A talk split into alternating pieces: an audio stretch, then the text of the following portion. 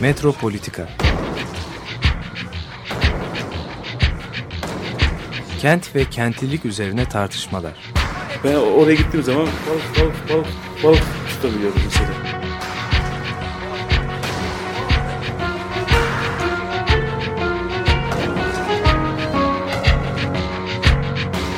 Hazırlayıp sunanlar Aysin Türkmen, Korhan Gümüş ve Murat Güvenç. Takusu yok yani. Kolay kolay boşaltamadı. Yani elektrikçiler terk etmedi Perşembe Pazarı merkezinde. Merhabalar değerli Açık Radyo dinleyicileri. Merhaba. Bugün Metro, Metropolitika programında Aysim Türkmen'le ben Korhan Gümüş birlikteyiz. Evet, e, bugün e, şeyde de duyurduğumuz gibi Facebook sayfamızda e, tarihi mekanların yeniden işlevlendirilmesi, kullanılması şehirde. Buradaki kullanım biçimlerini konuşacağız ve bu gelişmeler aslında bizim programımızda sıklıkla işlediğimiz bir konu. Yeni gelişmeler ışığında belki bir tür e, gözden geçirme olacak. Bu e, kullanım biçimleri, kültürel miras değil sadece aynı zamanda kamu mekanlarının tabii yeniden işlevlendirilmesi gibi e, ele alabiliriz. E, bir de tabii gelişmeler var. Bir takım özel alanlar oluştu.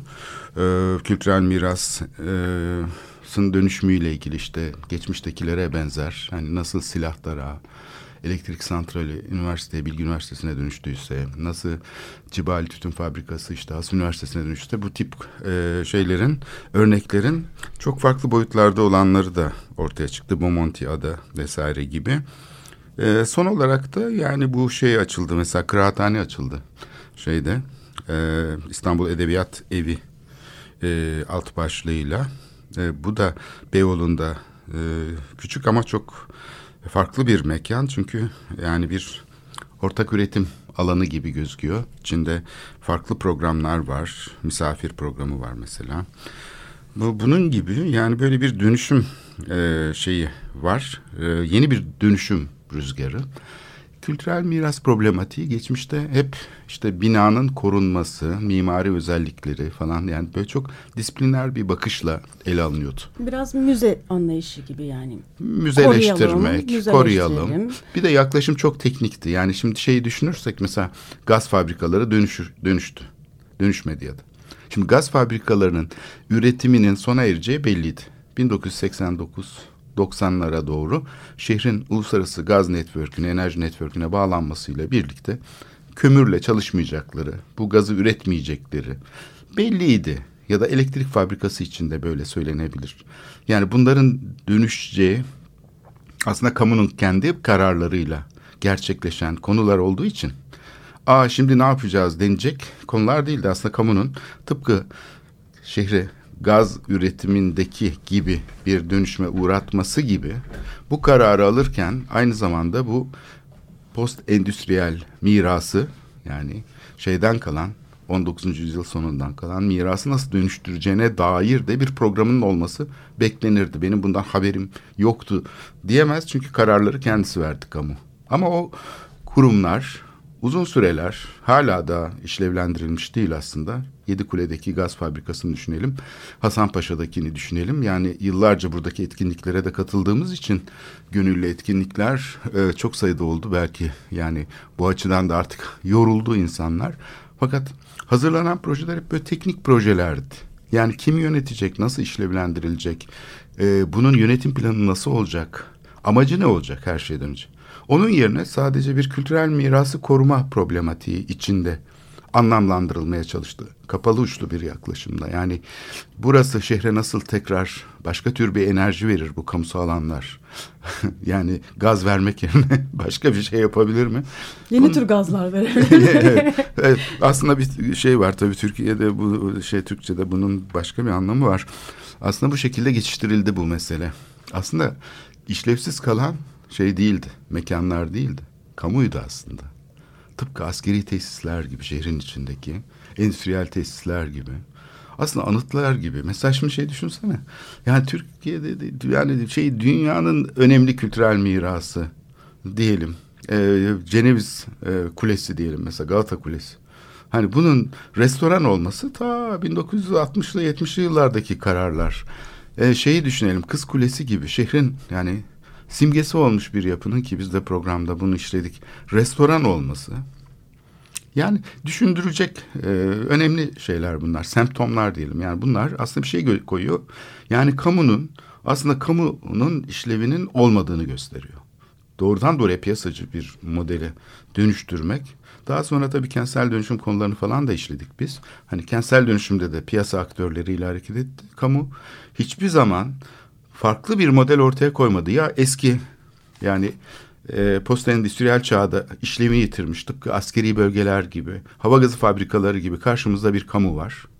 Yani belediye de aslında aynı şekilde bilgi üretiyor. Aynı kapalı uçlu, aynı böyle fragmente, disipliner bakış açısıyla yapıyor planlarını, programlarını.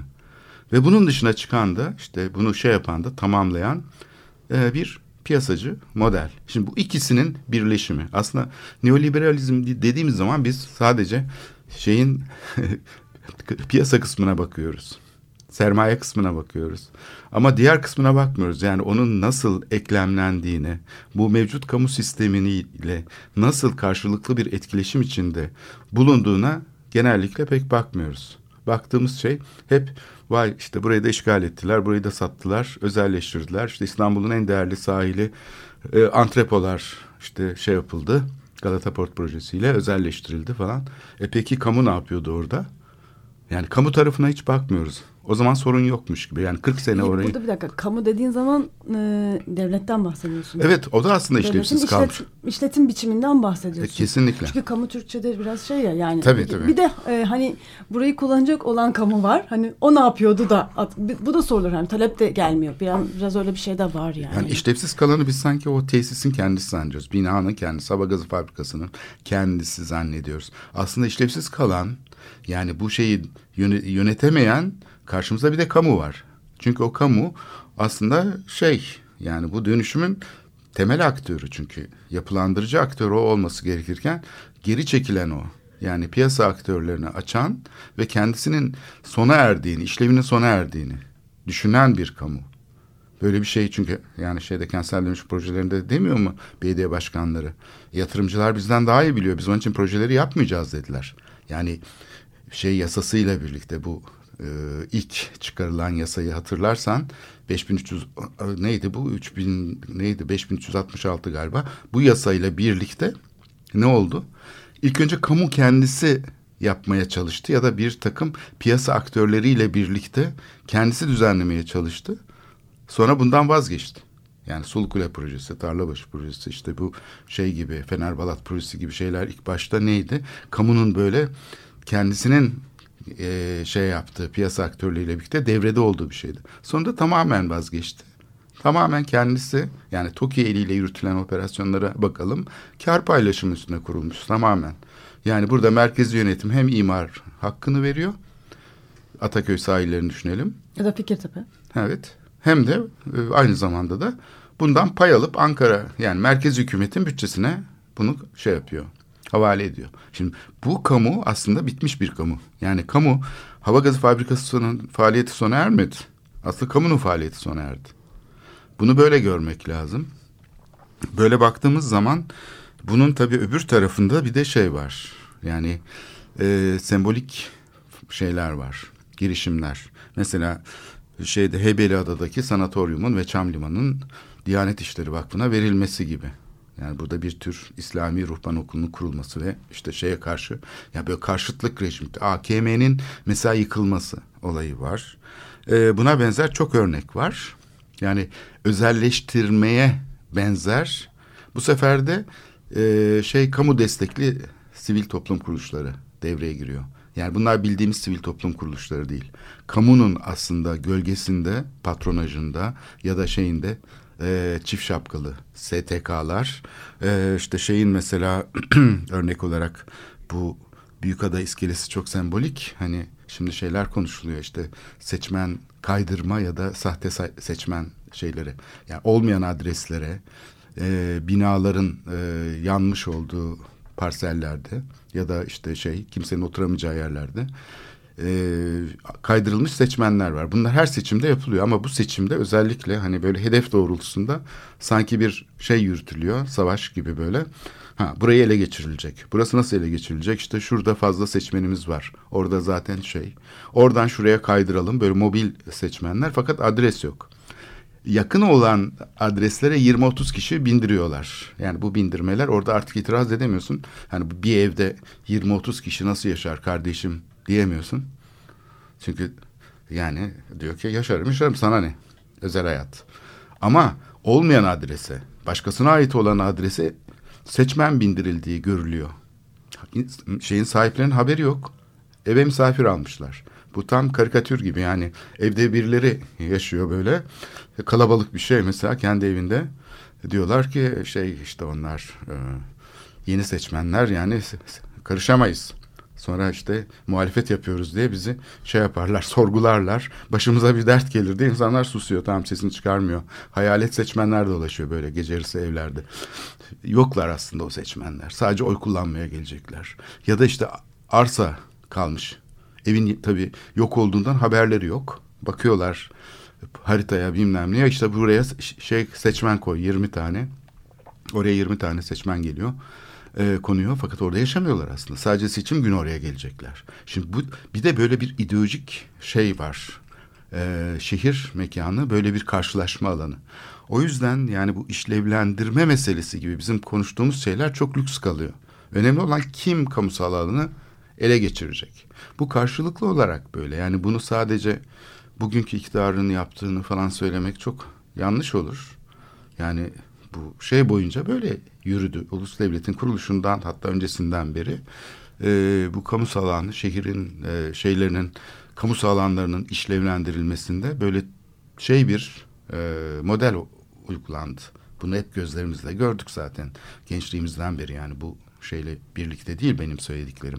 Bir Sadece... de herhalde şey bir boyutu da var yani e, biz bile programda düşünürsen yani hani mesela İstanbul'un tarihiyle nasıl bir ilişkiye geçeceğiz? Hani e, yani bu e, ben biraz öteki taraftan bakmaya çalışıyorum. Yani kullanıcıların e, biraz öteki kamunun hani şehirle ilişkisi de burada. Yani bazı yerleri hani burası da bizim yerimiz, bu şehir bizim şehrimiz e, değil demekte de bazı sorunlar var. Yani hani orada ben şeyin de etkisi olduğunu düşünüyorum. Yani şehrin tarihiyle ilişki kurmak. Nasıl yani hani 1970'lerle ilişki kurmak, 1900 başıyla ilişki kurmak. Bunlar farklı dönemlerle böyle bir ilişki kurmakta da çok zorlanılan bir, bir durum var. Yani bir, bir sürü büyük şehirde olan bir şey bu. Hafızasızlaştığını evet, söylüyorsun yani mesela, değil mi? Hani e, bildiğimiz bir hani hani bir klişe şey hani gece kondular hani hep gece kondular. Şimdi mesela o gece kondular şeyi bitti. Hani 1970'lerde ne oldu da gece kondular oldu ve gece kondular nasıl bir süreçti? Bu şehrin tarihiyle nasıl bir ilişkideydi? Hani mesela böyle ilişki bunlar ve ki bu bizi şeye de getiriyor. Yani bu endüstriyel şehirle bizim ilişki kurmamıza. Gece kondularla e, ve hani e, fabrikalarla bu kesimle bu, e, Anadolu'dan göçmüş olan milyonlarla yepyeni bir forma girmiş olan şehirle nasıl bir ilişkiye geçtiğimizle evet, işte de ben de başta onu biraz ve, yani, sorgulamaya çalışıyordum. Yani evet. Artık e, üçüncü kuşak e, hani bu gelen kuşak yani işçi olarak gelmiş olanın çocuğu şu anda torunlarıyla var olan bir şehirdeyiz biz. Üç kuşak hala da yaşıyor bu kuşaklar ve biz bu hani bu kuşaklarla nasıl bir ilişkiye geçeceğiz?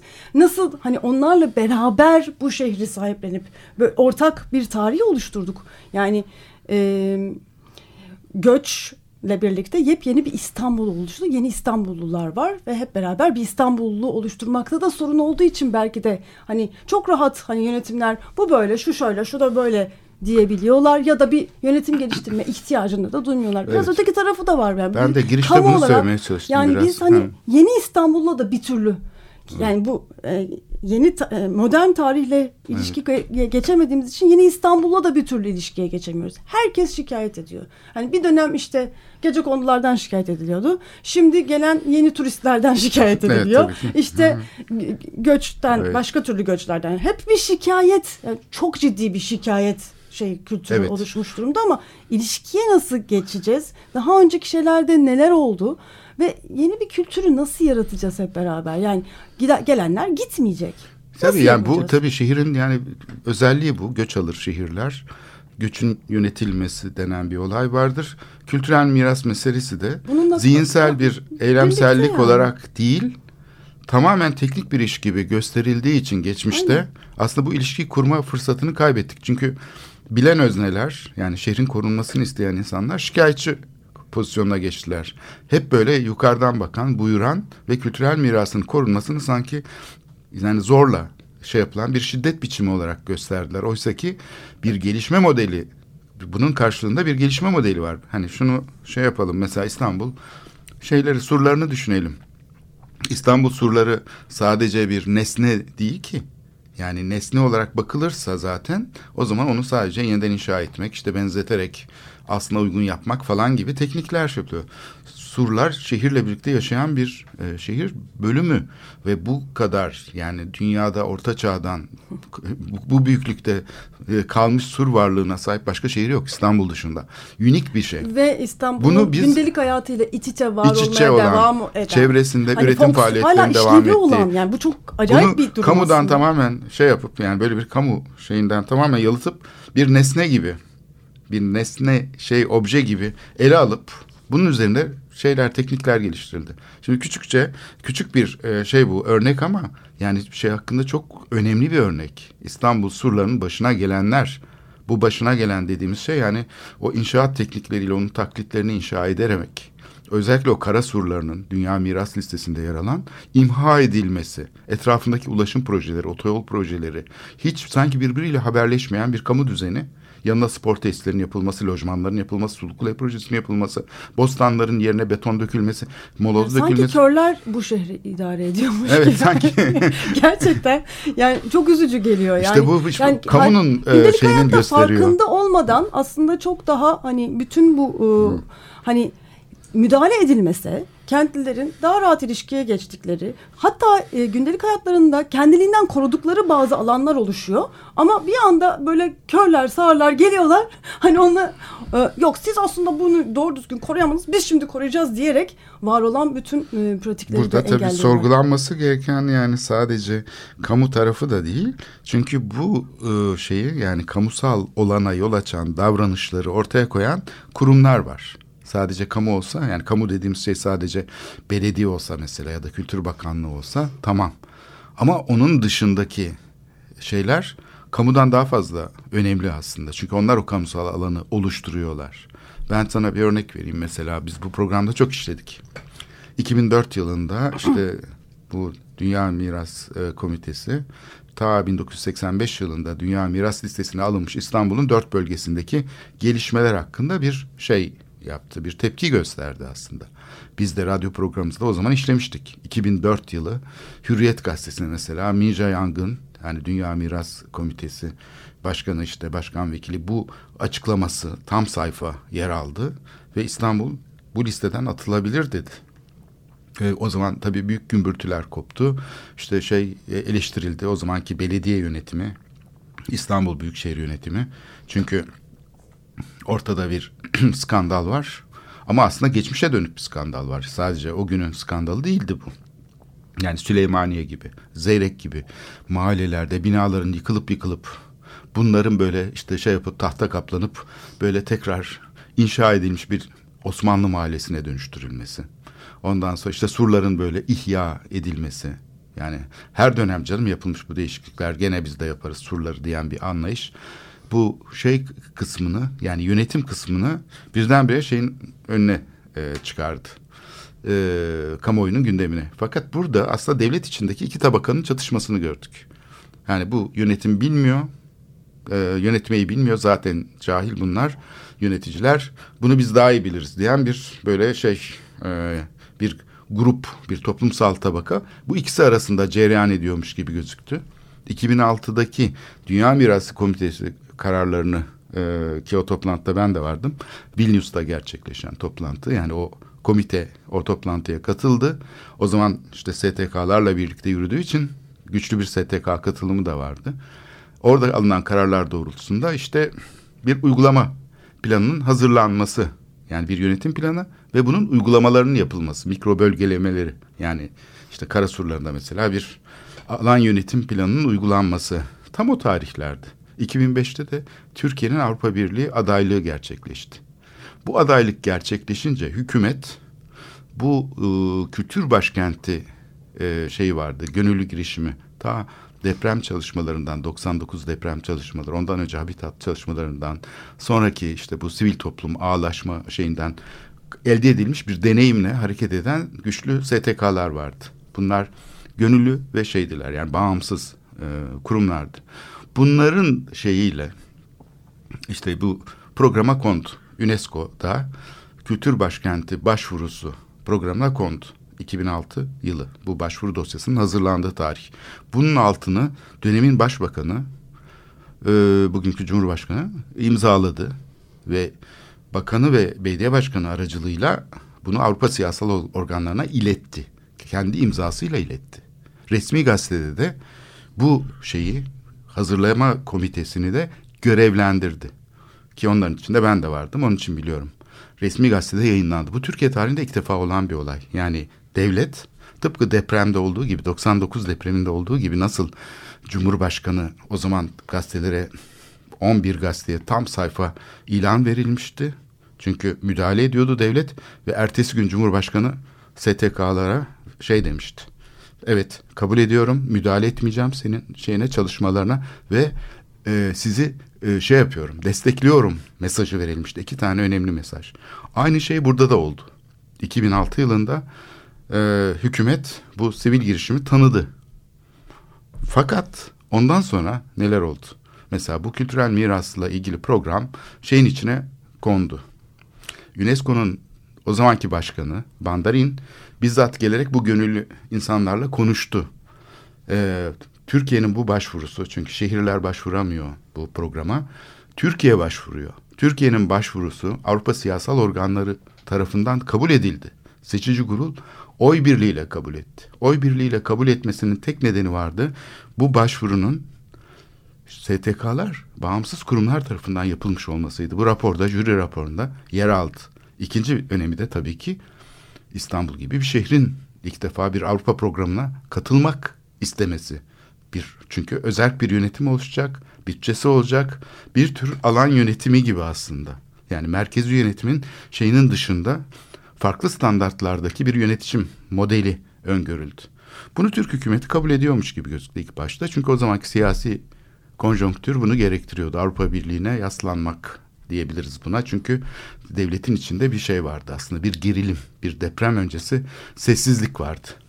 O yüzden bu o, adaylık süreci destekleniyormuş gibi gözüktü. Fakat hep hükümeti suçlarız. Yani merkez yönetim sonunda imha etti bu girişimi diye diyebiliriz. Fakat imha eden aslında merkezi yönetim değildi. Bunu AKM'de gördük mesela. AKM şimdi 8 senedir çalışıyor olacaktı. Eğer oradaki restorasyon projesi uygulanmış olsaydı. Aynı şeyi surlarda da gördük. Surların surlar için UNESCO ile anlaşma yapıldı. Programın içine kondu. Bunları ben yönettiğim için çok iyi biliyorum. Orada işte şeyin orada zurnanın zırt dediği nokta bu. Peki bunu nasıl yöneteceğiz? Yani bu surlar için hazırlanacak alan yönetim planını bu bildiğimiz kamu modeliyle değil. Çünkü bildiğimiz kamu modelinde ne var? İşte bir takım kurumlar var. Tarih Çevre Müdürlüğü var. Efendim Park ve Bahçeler Müdürlüğü var. Yani Büyükşehir Belediyesi'nin şeyleri. E, Kültür Bakanlığı'nın koruma kurulu var falan. Aslında bir yönetimi yok. Hepsi fragmente olmuş. Her yerde böyle. Bütün kamusal alanlarda böyle. Birbiriyle yarışan, birbiriyle hatta çelişen kimi zaman e, böyle bir tür şeyler var. İktidar odakları var ve bunlar kamu gücünü kullanıyorlar. Şimdi bunu nasıl bir şeye değiştirebiliriz? Bu post endüstriyel çöküntüyü diyelim. Yani bu kalmış kamu kalıntısını diyelim aynı hava gazı fabrikası gibi aslında bir yönetim kalıntısıyla karşı karşıyayız. Bu kamu kalıntısını nasıl canlandırabiliriz ve katılımcı hale getirebiliriz diye bu çalışmalar yapıldı. Depremde de bu çünkü aynen ortaya çıktı. Yani depremde de mesela o felaketin olduğu sabah kalkıp da kamunun ihale açmasını herhalde kimseye bekleyemezdi. Gayrete geçmek için yani bir piyasa aktörü gibi yani mimarlar işte proje yapması için falan. Herkes gönüllü olarak kendi şeyleriyle harekete geçirdiler. O yüzden kamu modeli bir anda değişiverdi. Şak diye değişiverdi. Niye? Çünkü bağımsız bir şeydir. Yani bu bilgi üretimi, bilgi işleme teknikleri, yatay ilişkileri kurma teknikleri bunları hiç bilmese bile, hiç deneyimi olmasa bile bu gönüllü insanlar bunu başardılar. Hem de çok büyük bir başarıydı. Aynı şey burada da olabilirdi. Fakat orada işte sistem kendi kendini yeniden aslında eski şeyine çeviriyor. O çökmüş bile olsa bu kamu modeli aynı hava gazı fabrikası gibi işlevsiz kalmış olsa bile ama kullandığı teknikler çok belli.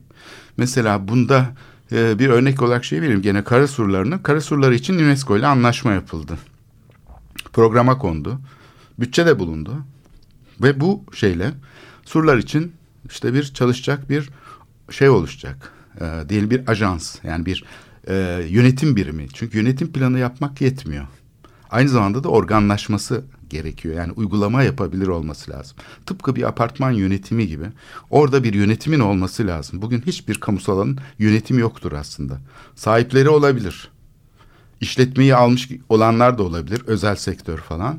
Ama aynı Taksim Meydanı gibi kimin yönettiğini bilemezsiniz. Karaköy Meydanı gibi. Yani orada Ulaşım AŞ'nin de kendi işte şeyleri vardır, yatırımları öbürkünün de vardır, İETT'nin de vardır. Yani aslında kamu dediğimiz şey aslında bir şeydir karmaşık bir şeydir, kaotik bir şeydir ve hepsi kendi açısından bakar konuya. Surlarda da aynen böyle. Şimdi burada dedik ki hani bunu kim yönetecek? Çünkü burada bu değişimi yaratacak e, nasıl AKM'de bir şey oluştuysa bağımsız e, insanlar topluluğu burada da yani ilk akla gelen tabii o şeyin en büyük en güçlü organı UNESCO ile paralel çalışan kültürel mirasla ilgili olan büyük teşkilat. Onun yapması amaçlandı ve o teklifi ona götürdük. Fakat o kuruluşun başındaki kişi mesela bu tip bir yönetişim tekniğiyle ilgisi olmadığı için ee, tabii şey ben size yardımcı olmak isterim ama şöyle olur. Bizim yöntemimiz şöyle dedi. İlk önce bir müteahhit ihaleyle alsın o işi. Surların restorasyon işini. Beni de danışman yapın. Ben o zaman işte hep böyle çalıştım şimdiye kadar dedi. Biz böyle çöktük. Yani düşünsene yani bu deneyimi en fazla şey yapabilecek, e, temsil edebilecek, bu deneyimi en fazla köprülerini kurabilecek başka uluslararası örneklerle. Uluslararası bir örgütün başkanına gidiyorsun Türkiye'deki ve bunu surlarla ilgili şeyi yönetim planı hazırlığını biliyor tabii ki. UNESCO da bunu talep ediyor zaten. Vilnius kararlarında 2006'da bir yönetim planı yapmayı değil sadece uygulanmasını istiyor. Bunun için de ideal bir konu yani surların yönetimi çünkü çok bileşenli çok öncelikli bir konu. Ulaşım konusu var içinde, işte üretim şeyleri var, yerleşim konuları var. Yani kendisi bile hani surların kendisinin korunması bile son derece girift bir konu yani. Nasıl korunacak? Ama onların cevabı hazır. Biliyorlardı zaten. Sadece yani. danışmanlık yapmak yetiyor o zaman. Şimdi bu kamu sisteminde dikkat edersen şeyle sermaye türleri arasında bir oluşmuş ittifak var. Yani bilgi şeyini elinde bulunduran, tek elini bulunduran kurumlar ve kişiler, o ayrıcalıklı işte kültürel miras şeyini yukarıdan bakarak bilen insanlar. Öbür tarafta da işte bu işleri müteahhitlik vesaire yoluyla şeyine yandaşlarına aktarmak isteyen popülist siyasetçiler. Böyle bir aslında evliliğin sonucu bugünkü neoliberal kamu yönetim modeli aslında bir boşluğa dönüştüren kamusal alanları böyle bir e, şey yani bu açıdan irdelendiğinde mesela kara surlarında, AKM'de, hava gazı fabrikalarında, ne bileyim yani aklımıza gelebilecek her şey, Topkapı Sarayı'nda ortaya çıkan aslında kriz, yani yönetim krizi, buradaki şeyin, yöneticilerin hatalı kararlar vermesi değil, onların aslında bu yetersizliklerini meziyet olarak gördükleri bir kamu modeli içinde davranmaları. Çünkü o bambaşka bir kamu. Yani bu karşı karşıya kaldığımız bu kalıntı, kalıntı kamu diyelim buna. Yani elimizdeki belediyeler mesela, bunların içindeki kamu işleyişleri, işte Martı projesinden görüyoruz değil mi? Yani 2018'de geçen sene bitmişti o proje, kamunun kendi programına göre.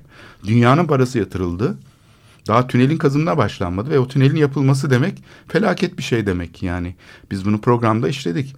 Yani kimse bunun hesabını sormuyor. Sütlüce'deki işte o kazulet yapı 25 sene sürdü inşaatı neredeyse ve hiç e, dünyanın parası harcandı. Dünyanın en çok para harcanan kültür merkezi olarak başladı. Yani e, kültür merkezi olarak hayatına başladı. Sonra kongre merkezine dönüştü. Proje hatalarıyla dolu. Felaket bir şey. Ve bunun kimse hesabını sormadı. 250 milyon dolar harcandı o binaya.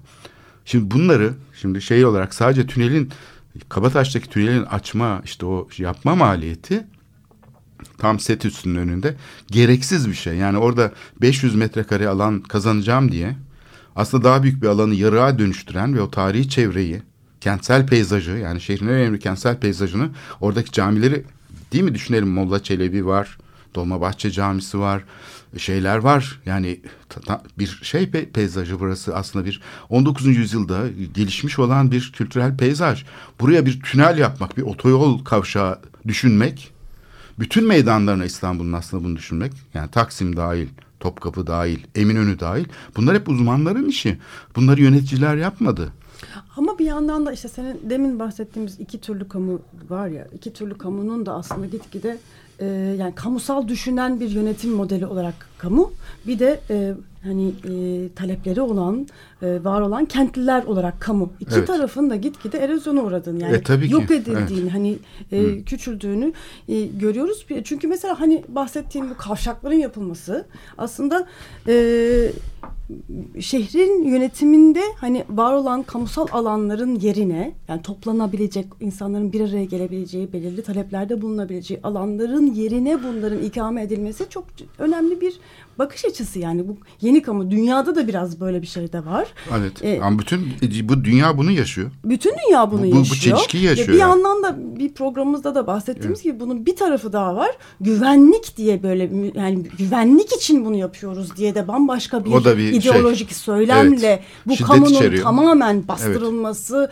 te- terörizmi bahane ederek kamunun iki taraflı hem yönetim olarak kendisini demokratik alanların yönete, yöneten bir model olarak kendini yok eden, diğer taraftan da demokratik olarak bir araya gelip e, bazı taleplerde bulunacak olan grupları yok eden bir anlayışla Tamamen öyle. ve büyük mega projelerle bunu yapan. Sönümlendiren, Bu- evet, bunu yani. filizlenen bütün gelişmeleri de sönümlendiren. Yani ba- Doğmamış olanı da Sütlüce- sönümlendiriyor. Sütlüce de bunun bir parçası. Tabii Yani ki. büyük bir büyük biz büyük alan yaratıyoruz. Büyük bir kongre merkezi kuruyoruz. Ya da Sadece büyük bir mevcut olanı yapıyoruz. sönümlendirmiyor bu kamu. Onu felç etmiyor. Mevcut değerleri, doğa, doğmamış olanları da sönümlendiriyor bu kamu. Bu çok daha tehlikeli bir şey. İstersen bu kaldığımız noktayı biraz daha açarak devam edelim. Şimdi Dalida'dan Histoire d'un Amour isimli parçayı dinleyeceğiz.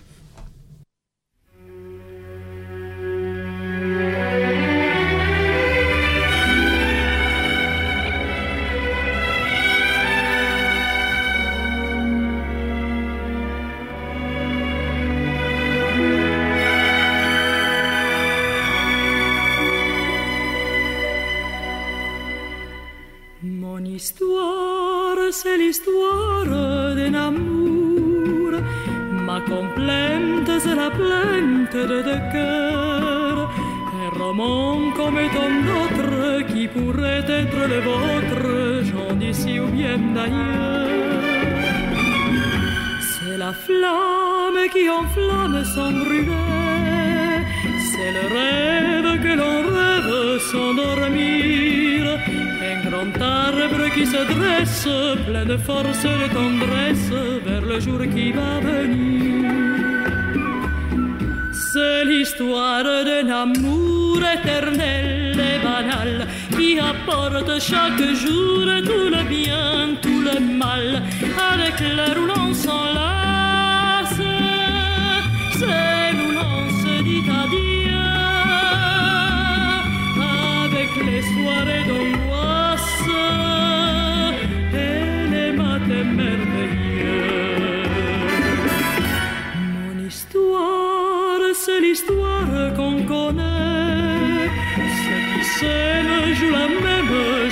Mais naïve ou bien profonde, c'est la seule chanson du monde qui ne finira jamais.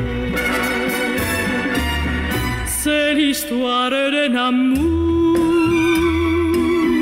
qui apporte chaque jour tout le bien, tout le mal, avec où l'on s'enlace. C'est nous l'on se les soirées d'angoisse et les matins merveilleux.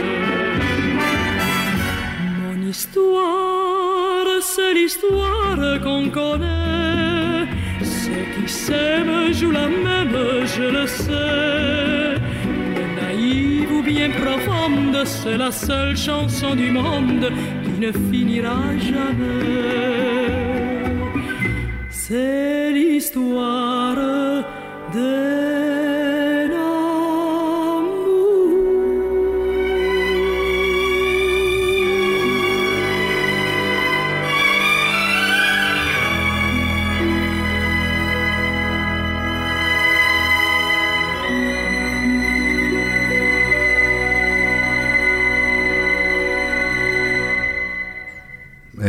Metropolitika devam ediyor. Dalida'yı anmış olduk. İstuar Dönemur isimli parçayla. Aysim Türkmen'le birlikte Korhan Gümüş Metropolitika programında. Biz bugün ne işliyoruz? Kültürel e, ve tarihi mekanların dönüşümü meselesini. Çünkü genellikle bu şey yani bu kalıntı diyelim şehir içindeki yeni yapılar içinde bu söylenebilir. Aslında bir tür fiziksel bir şey olarak görülüyor varlık olarak onların nasıl yönetildiği, kurumsal yapıların nasıl dönüştüğü pek fark edilmiyor. Aslında problemin sadece bu fiziksel yapı üzerinden görülmesi, restorasyon teknikleri gibi gösterilmesi, sadece bu bunun problem edilmesi. Bunu doğal miras için de söyleyebiliriz. Sadece kültürel ve şey yapılaşmış çevre için değil. İnsan tarafından anlamlandırılmış doğal varlıklar da aynı şekilde. Bunların böyle bir uzmanlık konusu gibi gösterilmiş olması ve nesneleştirilmesi yani hep böyle nesne. Aslında bu bildiğimiz işte bu eski kamunun yani kendisi çökmüş olan kamunun e, işleme teknikleri. Bunları zihinsel değil sanki bizim dışımızda kendileri şeymiş gibi böyle biliyormuş gibi yani böyle bir özcü bir yaklaşımla e, geliştiren e, disipliner yaklaşımlar. Şimdi bütün dünyada bu tekniklerin dışındaki yöntemler aranıyor. Ne zamandan beri? Belki modernitenin başından beri aslında. Yani sadece 90'larda bu neoliberalizmin şehirlerin kamusal şeyini felç etmesiyle değil. Yani bütün bu şeyin ortaya çıkan çelişkiler nedeniyle değil. Aslında şeye bakarsak yani şehrin ulaşım sistemini yönetmek için bile değil mi şu deniz ulaşımına baksak yani bunu piyasa yönetemiyor. Yani kamunun da bu bürokratik şekliyle bir şey yapması mümkün değil. Yani sadece bunları şey yapıyor, ayrıcalık sağlamış oluyor. Dolayısıyla nasıl bir insanları dışlamayan, insansız bir kamudan söz ediyoruz aslında. Bu söz ettiğimiz kültürel miras problematiği de aslında ta 19. yüzyıldan kalma Viktoryen tekniklerle insansızlaştırılan bir kamu tekniği. Yani hava gazı fabrikaların yapılması, hava gazı borularının döşenmesi. Tamamen teknik bir kamu. Şimdi biz hala bu Victorian kamu modelinin içinde yaşıyoruz. Nefes almaya çalışıyoruz. Yeni döneme uyarlanan bir de yani. Ha bir de bunun şey tabii yeni dönem çünkü kamusal alanı da Zaten... bir taraftan şiddetle yönettiğini zannederken aslında tamamen boşluğa dönüştüren bir kamu. Yani bu şey değil hani koruma değil tam tersine. Ve yani yönetemedikçe şiddete başvuran, başvuran bir çok kamu. Önemli, evet. Ve güvenlik açısından sen örnek verdin. Şey de böyle çevre konusu da böyle. Sanki Çevre Bakanlığı çevreyi yok etmek için kurulmuş. Orman Bakanlığı ormanlığı yok etmek için. Yani bu aynı şey yerel yönetim işlevlerinde de öyle. Neyin anıyorsak bir kamu işlevi olarak sanki tersine hizmet eder hale gelmiş durumda. Koruma kurulları korumak için değil sanki tam tersini yapmak için. Yani bu bildiğimiz kamunun ters yüz olduğu bir dönemden geçiriyoruz. Onun için bu neoliberal çağda ya da bu baskı altında, bu şiddet karşısında o eski katılım yöntemleri yani biz doğrusunu biliriz. UNESCO'da yaptığımız gibi diyelim işte siz bilmiyorsunuz. Böyle bir ötekileştirici şey yapan efendim alanı e, şiddet üzerinden gene kurmaya çalışan şey engellemek şöyle dursun. Neredeyse bu neoliberal modeli teşvik ediyor, motive ediyor. Onunla bütünleşiyor. Birlikte çalışıyor. Birlikte çalışıyorlar. Bunu şeyde gördük işte AKM'nin dönüşüm şeyinin Burada engellenmesinde bir, bir şey gördük. Daha, bunun bir, bir, bir noktası daha olduğunu da düşünüyorum. Yani bugün gördüğümüz mesela bu e, yeni alan, açılan alanlardan da bahsettin. Ortak çalışma mekanları olsun, işte evet. sergiler, galeri evet. alanları. Burada da kültür endüstrisinin de yani bu e, özel sektörün e, oluşturduğu yeni kültür endüstrisinin de varlığı. Bu da ama ne, nasıl neoliberalizmin bambaşka bir parçası ve nasıl işliyor? Bunu da bence problematize etmemiz e, tabii, gerekiyor. O zaman çünkü, çünkü bu da çok... yani e, yani bu da gö, yani bir göstermelik kamu gibi bir şey oluyor. Çünkü izole edilmiş evet, oluyor. Evet yani, yani bir defa üst sınıfta kalıyor. Yani evet. ve mekanın kullanıcılarıyla tam olarak ilişkiye geçemiyor.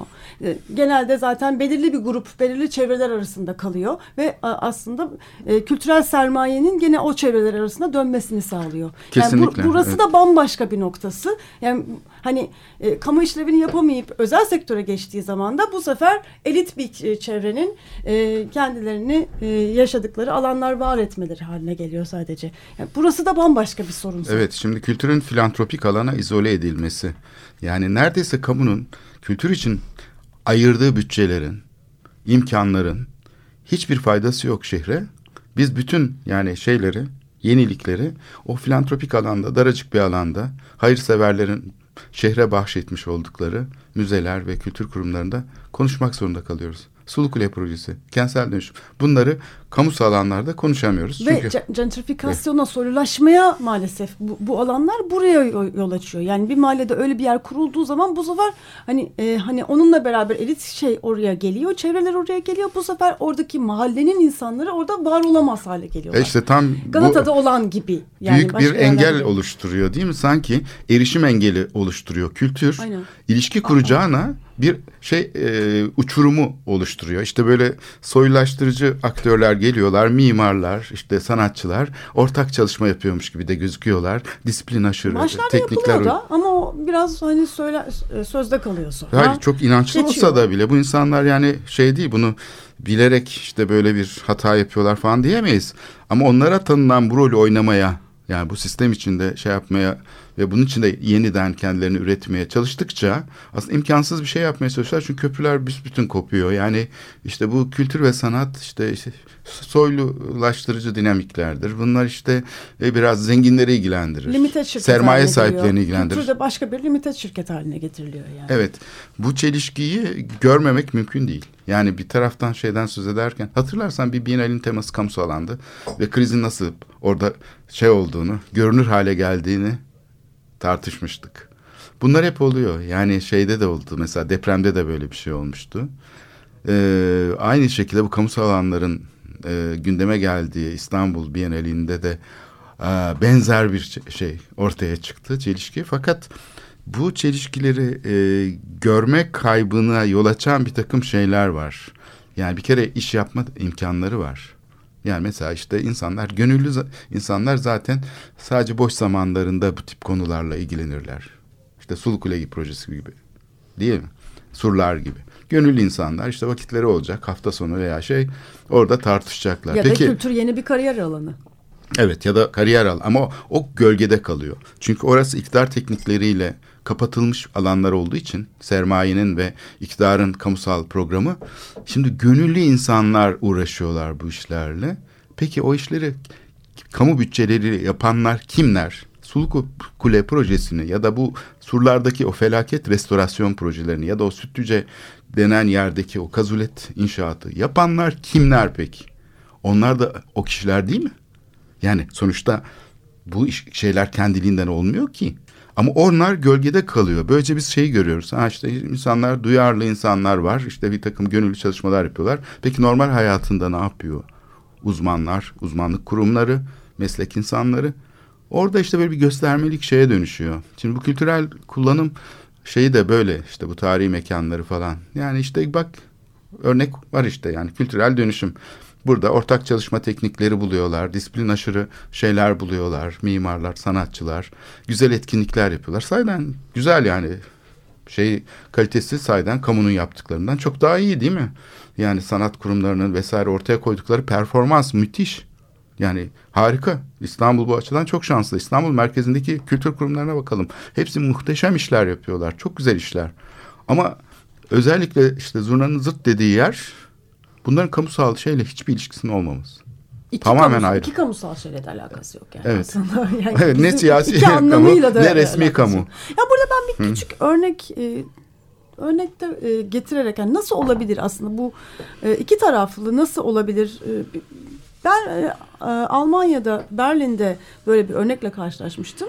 Bir de e, İsviçre'de bir örnekle karşılaşmıştım. Biraz aslında bu ikisini de biraz tartışarak belki hani e, hani neler oluyor neler olmamıyor biraz bunları da konuşmak Evet, lazım. örnekler Bir rote önemli. fabrik diye bir yer vardı. Bir fabrikayı işte 70'ler 80'lerde 90'larda bir grup insan e, hani post endüstriyelleşme döneminde ele geçirmişler. Hani biraz işte şey Evet bu çok iyi oluyordu. Evet. Hala oluyor. Evet e, ve o, orayı e, ortak alan olarak düzenlemişler. Yıllarca kullanmışlar ama ben gittiğimde mesela çok elit bir haline gelmişti ve e, bütün bu süreci yaşayan insanlar da bundan şikayet ediyorlardı. Bir böyle bir şey vardı. Bu İsviçre'deydi. Rote Fabrik. Bir de e, Berlin'de e, özellikle Türklerin yaşadığı göçmen mahallelerinden bir tanesinde böyle bir başka bir print house e, bir baskı fabrikası vardı ve oradaki şey çok farklıydı yani orada bir yemekhane vardı insanların hakikaten yemek pişirip e, hem oradaki mahalledeki kadınların Yoksullara ve şeylere mi? e, Evet. Göçmenlere. Her gün orada ben de yemek gördüm. çıkan. e, Bir tane şey vardı bu çok önemliydi mesela ev kadınlarına özellikle Türk ev kadınlarına e, Almanca dersi veren bir bölümleri vardı. Aynı zamanda sanatçılar vardı burada ve bu sanatçılar bu mekanla ilgili artık işler üretmeye hani tamamen kendilerini buna vermiş sanatçılar vardı. Ya bu iki arasın bu iki yer arasındaki fark be- benim için çok önemliydi. Yani hani gerçekten e, elit bir yer haline e, gelmesini önleyip nasıl yerler hayal etmeliyiz? Yani hani hakikaten Türkiye'deki şu anda bu endüstri, yani yeni düzenlenen endüstriyel mekanlarda evet çok hoş çok hoş yerler ama bilmiyorum yani e, kendisini o sermaye o kültürel sermayeye sahip hissetmeyen insanlar oraya oranın bedava olduğunu düşünmeyebilirler. Anlatabiliyor muyum? Gi- kapısından girmek istemeyebilirler. Hayır o mesafe o kadar Bu- bu çok şey ki önünde bir aslında. uçurum var sanki. Evet. Bir hendek var önünde. Evet. Görünmeyen bir hendek. Halbuki girip Çünkü o sermayeyi biz dikkate bir tavır almıyoruz. da var bu arada. Evet. Çalışanlarda falan da bir tavır var. Yani mesela bunların kırılabilecek alanların oluşması. Evet, işte yani o buradan- şeye girdiğimde ben yani sokakla oranın arasındaki mesafeyi hissetmemiştim mesela. Bu çok önemliydi benim için. Yani hemen girip yemekhaneye girip yemek alabiliyordum. Hemen girip o e, şey sınıflara çıkıp e, o sınıfların kapısından görebiliyordum. E, bebek arabalarını soka be- kadınların bebek arabalarını sokabildikleri yer çok çok önemli aslında böyle bir kamusallık için. Çünkü hani aslında e, çocuğuyla beraber var olabilmeleri çok zor kadınların bir sürü alanda. Hani bu elit alanlarda bile çocukların ses çıkardığı o, çek- ses çıkarma olasılığına göre düzenlenmiş alanlar. Ya bunları hani biraz daha farklı e, geliştirme yollarını düşünmek gerekiyor. Evet e, kesinlikle bu şey e, mesela yani e, bu çabaların en azından hani bildiğimiz kamudan farklı bir kamunun işaretleri olduğunu ama Türkiye'de özenle bunların e, silindiğini yani bu deneyimi biz hafızalarımızda mesela buna benzer yaşanmış deneyler var mesela işte Pasteur Hastanesi'nin e, şey insanlar tarafından işgal edilip habitat süresince kullanılması. Sonra ne oldu orası? İşte bir rezidans e, şeyine dönüştü falan. Şimdi bu e, örnekler aslında var. İşte manastır örneği açık radyoda işlendi. Tarla başındaki manastır e, örneği vesaire. Şimdi burada e, ka- kamusal alanı nasıl e, şey yapabiliriz? Bunun için farklı teknikler olabilir. Farklı yöntemler olabilir. Mesela ben şeye gittiğimde e, Cengiz Aktar'la birlikte biz Lille Belediyesi'ne gittik. Davetlisi olarak. E, o zaman belediye başkanı Martin Aubry isimli işte Sosyalist Parti'de sonra başkanlığı söz konusu oldu falan. Jacques Delors'un kızı bu e, kişi. E, bu şeyde işte böyle kısa bir ziyaret. E, oradaki modeli ben daha sonra başka şehirlerde de gördüm. Şimdi bu disipliner kamu, bildiğimiz kamu yani işte farklı işlevleri var. Belediye başkanlarının yetkisi aslında bugün Türkiye'de de buna imkan tanıyor. Bunları birbirine bağlayan ve ilişkilendiren disiplin aşırı bir şey çekirdeği kuruyor. Bunların içinde ya da üstünde ya da ortasında. Yani ne yapıyor? Aslında yetki, başkanlık yetkilerini kamusal alanı kullanan bir karar yetkisi olarak kullanmıyor. Çünkü karşısında güçlü bir bürokrasi var. Ne kadar şey yaparsak yapalım siyasetçiler bürokrasiye mahkumdur her projede. Çoğu zaman haberleri bile olmaz o ulaşım projelerinden, o kavşak projelerinden. Çünkü teknik bir iştir. Fakat öyle bir şey yapıyor ki siyasetçi buradaki şeyi eee, ne diyelim eşitsizliği yani kendisiyle bürokrasi arasındaki siyasi aygıt içindeki eşitsizliği aşmak için şey kullanmak yerine Türkiye'deki gibi popülist yöntemler kullanmak ve karar şeyinde iktidar bloğuna dahil olup arka planda ideolojisiyle beslemek yerine oradan pay alarak işte şey yaparak yolsuzluklara yol açacak şekilde tam tersine bu ilişkisel şeyi alanı e, kendi şeyine e, yetkilerini ona devrediyor. Dolayısıyla bu kurumun içinde bir tarafta bürokrasi oluşuyor. Var zaten. O bir kalıntı. Onu da çöpe atmıyor. Çünkü atamayız. O işlevler de var. Sayeden çöp toplamak gerekiyor. Gaz dağıtmak gerekiyor. Ya ne bileyim güvenlik önlemleri almak gerekiyor vesaire. Fakat bunu sökme teknikleriyle yani şeye iktidara bağlamak yerine sökme teknikleriyle tersine çeviren bir disiplin aşırı e, yetki şeyini kendi yetkilerini ona devretmiş oluyor. Bir tür kent konseyleri gibi. Bunlara zaten konsey deniyor. Yani Türkiye'de kent konseyleri çalışmıyor ve kullanılmıyor bu şekilde ama tam bir alan yönetim organında olması gerektiği gibi. Yönlendirici organ içinde farklı temsili kurumlar var. Farklı odaklar var. Farklı kamu yararı kavramlarını temsil eden şeyler var. Topluluklar. Fakat icra organı tamamen misyon odaklı ve interdisipliner çalışıyor.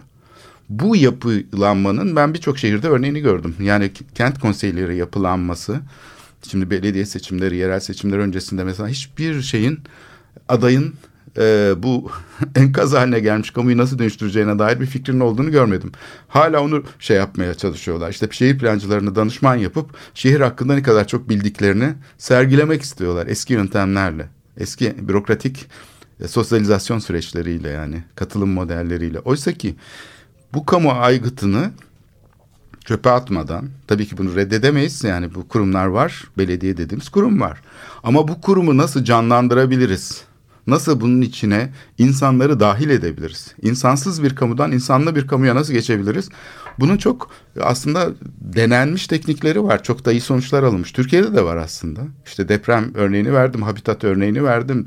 Bu kültür başkenti girişiminin ilk baştaki durumunu verdim. Nasıl şehir e, programı geliştirdiğini ve bütün hükümete dahi bunu uluslararası organları da harekete geçirerek kabul ettirdiğini gördük. Yani sayeden ilk başta çok güçlüydü. Yani resmi gazetede yayınlayacak kadar e, şey yapacak kadar yani bütün e, medya organlarında da paylaşıldığı gibi böyle bir güce sahip her zaman yenilikçi çalışmaların bu potansiyeli var İstanbul gibi şehirlerde.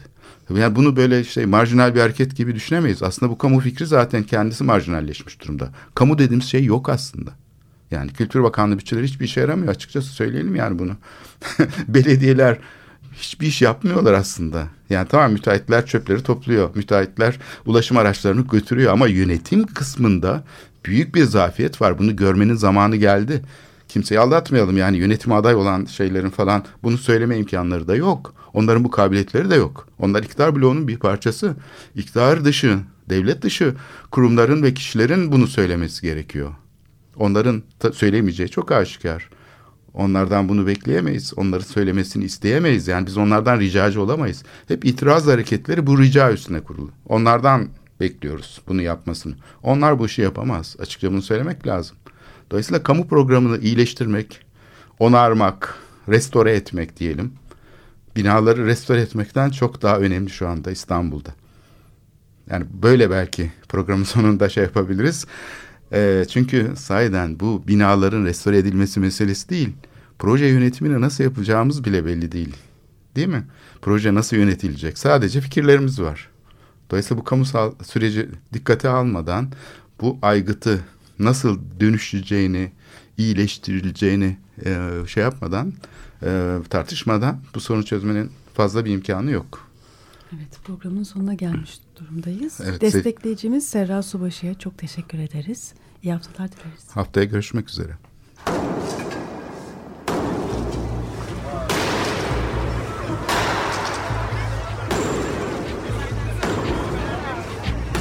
Metropolitika Kent ve kentlilik üzerine tartışmalar. Ben oraya gittiğim zaman balık balık balık balık tutabiliyordum mesela.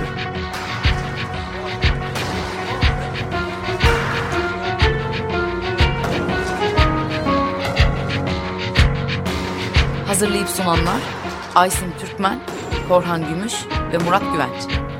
Takusu yok yani. Kolay kolay boşaltamadı. Yani elektrikçiler terk etmedi Perşembe Pazarı merkezinde.